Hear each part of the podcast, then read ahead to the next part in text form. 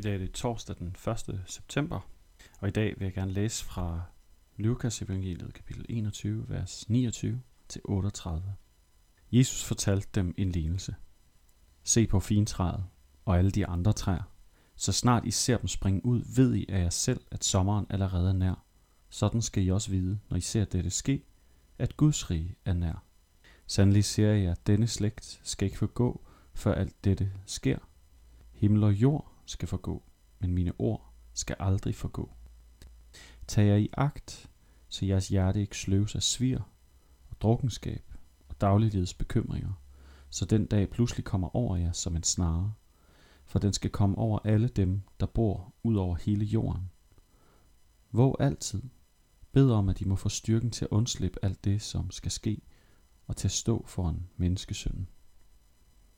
Om dagen underviste Jesus på tempelpladsen, men om aftenen gik han ud til det bjerg, som hedder Oliebjerget, og overnattede der.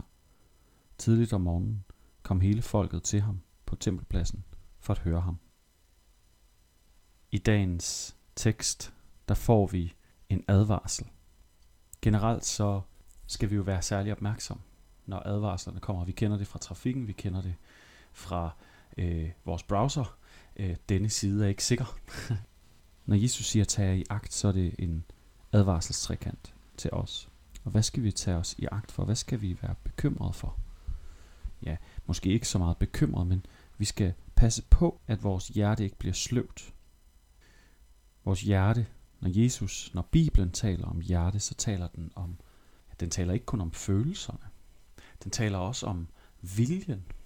Den taler om det organ, som kunne styre dine handlinger, øh, og derved også rigtig, rigtig meget af, hvad du bruger din tid på, hvad du beskæftiger dig med, hvad du fokuserer på i dit liv. Så det organ, som styrer dit fokus, det må ikke blive sløvt. Ligesom at en skibskaptajn skulle passe på i gamle dage, ikke at holde en magnet for tæt på kompasset, fordi hvis magneten påvirkede kompasset, så blev kompasset sløvt, det blev dårligt til at finde nord, og det blev ubrugeligt som redskab til at fokusere, at styre.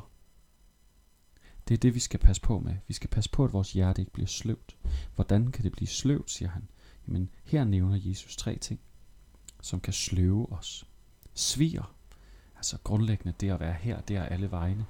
At leve et ufokuseret, at leve et kaotisk, at leve et øh, momentalt nydelsesfokuseret liv, frem for også nogle gange sætte sig ned, tænke sig om, være udholdende i noget, være trofast i noget, selvom at det ikke umiddelbart så betyder, at vi kun oplever de highs, som der kan være, hvis man bare leder efter dagens store oplevelse. Drukkenskab. Så meget af verdens befolkningen lever dybt, dybt påvirket og traumatiseret af, at mennesker i deres fortid, mennesker i deres nutid, omsorgsperson har svigtet dem ved at være fordrukne. Det at få sløvet sin viljesans, det ikke at kunne tænke klart, det skal vi passe på med. Men så nævner han en tredje ting. Dagliglivets bekymringer. De bekymringer, som du kan fylde dit dagligliv med, det kan også sløve dit hjerte, sløve dit fokus. Hvorfor skal vi passe på det? Fordi vi ønsker at stå for en menneskesøn, er egentlig det, han ender med at komme frem til i vers 36 i det, han siger.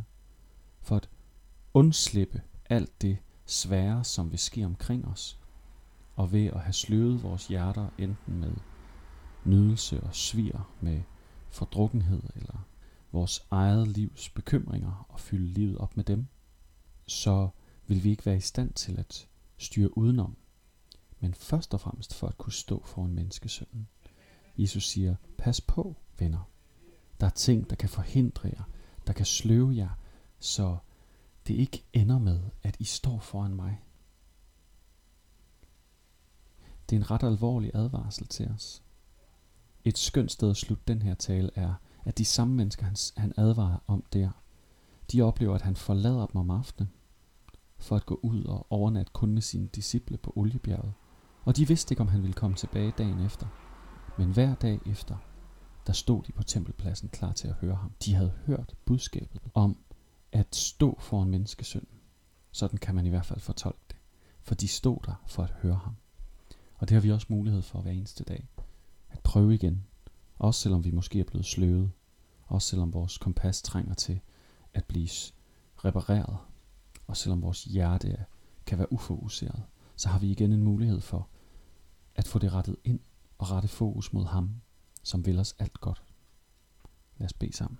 Gud, tak for de, at du også nogle gange kommer med advarselstrekanter til vores liv.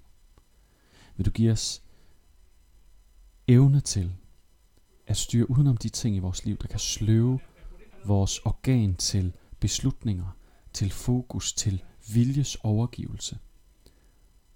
For vi ønsker at stå foran dig, Jesus. Det må være et herligt sted at stå, både for at blive undervist og oplært, men også bare fordi vi har lyst til at se dig, som du er. Og se alt det gode, som kommer fra dig. Amen. Giv han rigtig dejlig dag.